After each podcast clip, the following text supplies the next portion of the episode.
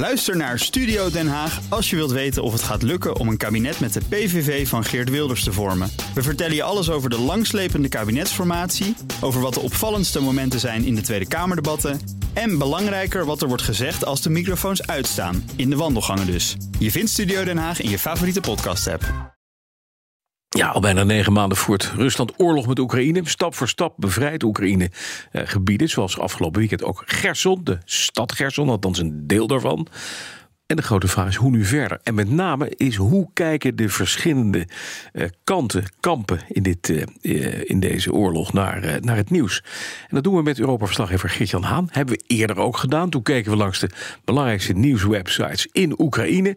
En deze week filtert hij ook gewoon al het nieuws door de Oekraïnse bril. Al het andere laat hij even lekker liggen. Geert-Jan, goedemorgen. Goedemorgen, Bas. Ja, nou, ik ben, zullen je niet uh, beïnvloeden. Jij hebt nu gekeken, een rondje langs de belangrijkste nieuwsbronnen uh, in Oekraïne. Wat, wat staat erin te lezen? Wat valt je op? Nou, als je de journaals ochtends bekijkt, uh, dan uh, word je altijd eerst op de hoogte gesteld van het laatste nieuws van het front. Het nieuws van de generale staf. Dat ja. is zoals jij de luisteraars van BNR bijpraat over file-informatie en het weer. Mm. Uh, zo gewoon is dat eigenlijk nu de afgelopen negen maanden helaas geworden. Uh, maar Oekraïnse media volgen ook veel westerse media, valt op. En dat wordt dan weer gereproduceerd. Dus mm. een bekend uh, tijdschrift en ook radio- en podcaststation Novia Vremja... dat opent met een artikel in de New York Times over dat inwoners van Gerson Russische pogingen om de Oekraïnse identiteit uit te roeien, dat ze die hebben weerstaan. Maar je ziet ook veel uh, persbureaus en websites die, het, uh, die refereren aan de updates van Institute for the Study of War. Maken wij ook veel gebruik van. Hè? Amerikaanse denktank die heel goed alle uh, offensieven en tegenoffensieven in Oekraïne monitoren. Nou ja. ja. en dan heb je dus inderdaad ook nog de pure informatievoorziening. En dat gaat voor vandaag ook bijvoorbeeld over blackouts in Oekraïne. Kun je in Kiev te maken krijgen met een geplande stroomstoring. En daar moet je dan rekening mee houden. Hm, juist. Maar waar ga je op letten deze week? Want dat is wel belangrijk. Ik denk twee dingen. Hoe wordt er gesproken over een, een tegenoffensief van Oekraïne? Gaat Oekraïne na uh, uh, dit deel van Gerson te hebben bevrijd, gaan ze door? Want de winter komt eraan. Ook ja. dat is nieuws vandaag. Dat het weer kouder wordt. En wat kunnen ze dan? En ik ga ook letten op taal. Want ik zat gisteravond naar een interview te kijken. En dan gaat het over uh, de Russische tactiek. En die wordt vanuit Oekraïne dan besproken. En dan wordt de Russische generaal Surovikin... die wordt de gevechtshond van Poetin genoemd. Mm. Ook op serieuze zenders. En ja. dan komt dat later weer terug als de hond van Poetin.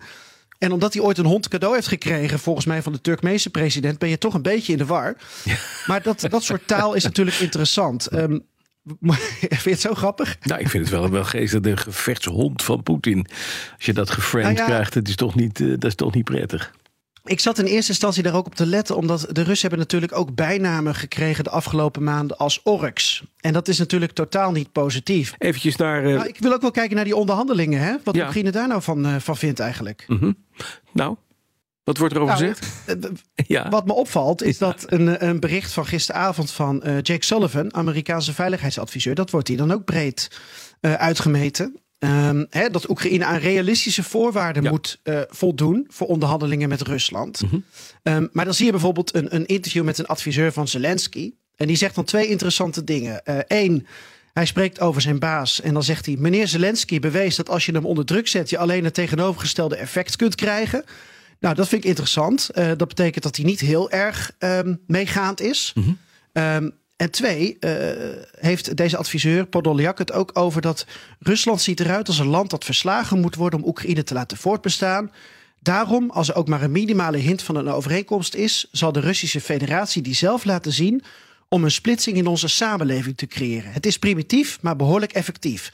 Mm. Daarmee zegt deze adviseur dus eigenlijk dat elke elke keer dat het over onderhandelen gaat, dat het eigenlijk uit de koker van Rusland komt. Ja. Um, dat is natuurlijk ook wel een frame waar je dan mee te koop loopt. En um, ik denk dat uh, de eerdere waarschuwingen die we al in Anglo-Saxische media zagen, zoals de Washington Post, waarin werd geschreven over officials die um, officieus lieten weten dat Oekraïne wat meer open moest staan voor onderhandelingen. Ja, dat zie je dus hier ook wel in terug. Dat ze dan zeggen van ja, uh, Rusland wil onderhandelen, wij absoluut niet. Ja. Nog even naar een akkefietje tussen de Oekraïnse legerleiding en de Oekraïnse journalisten na de bevrijding van Gerson. Kun je kort uitleggen waar het over gaat? Ja, uh, je sprak eerder met collega Floris Akkerman. Ja. Die is op weg naar Gerson. Maar zo zeker is dat, uh, vanzelfsprekend is dat niet. Mm -hmm. Er is vandaag een rondleiding voor journalisten. Maar er waren natuurlijk als journalisten van CNN en Sky News, eh, mm. die waren er al te horen afgelopen weekend met bijvoorbeeld dit soort legendarische tv-beelden. Well, this is absolutely incredible. We're on the outskirts of Kherson now. We're being given a military escort.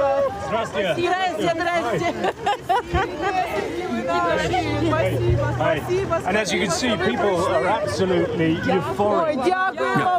Euforie daar inderdaad eh, van mensen. Eh, maar dit was dus inderdaad een, een Sky News reporter volgens mij. Hè? En deze man heeft dus een, een militaire escort gekregen, zegt hij.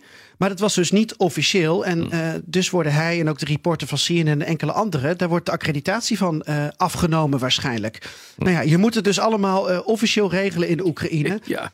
en dat blijf ik komende week volgen. Nou, dankjewel. Geert-Jan Haan, deze week onze Oekraïense mediawatcher.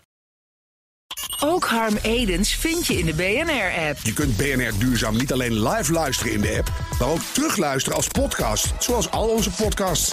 En naast dat de BNR-app Breaking News meldt, houden we je ook op de hoogte van het laatste zakelijke nieuws. Download nu de gratis BNR-app en blijf scherp.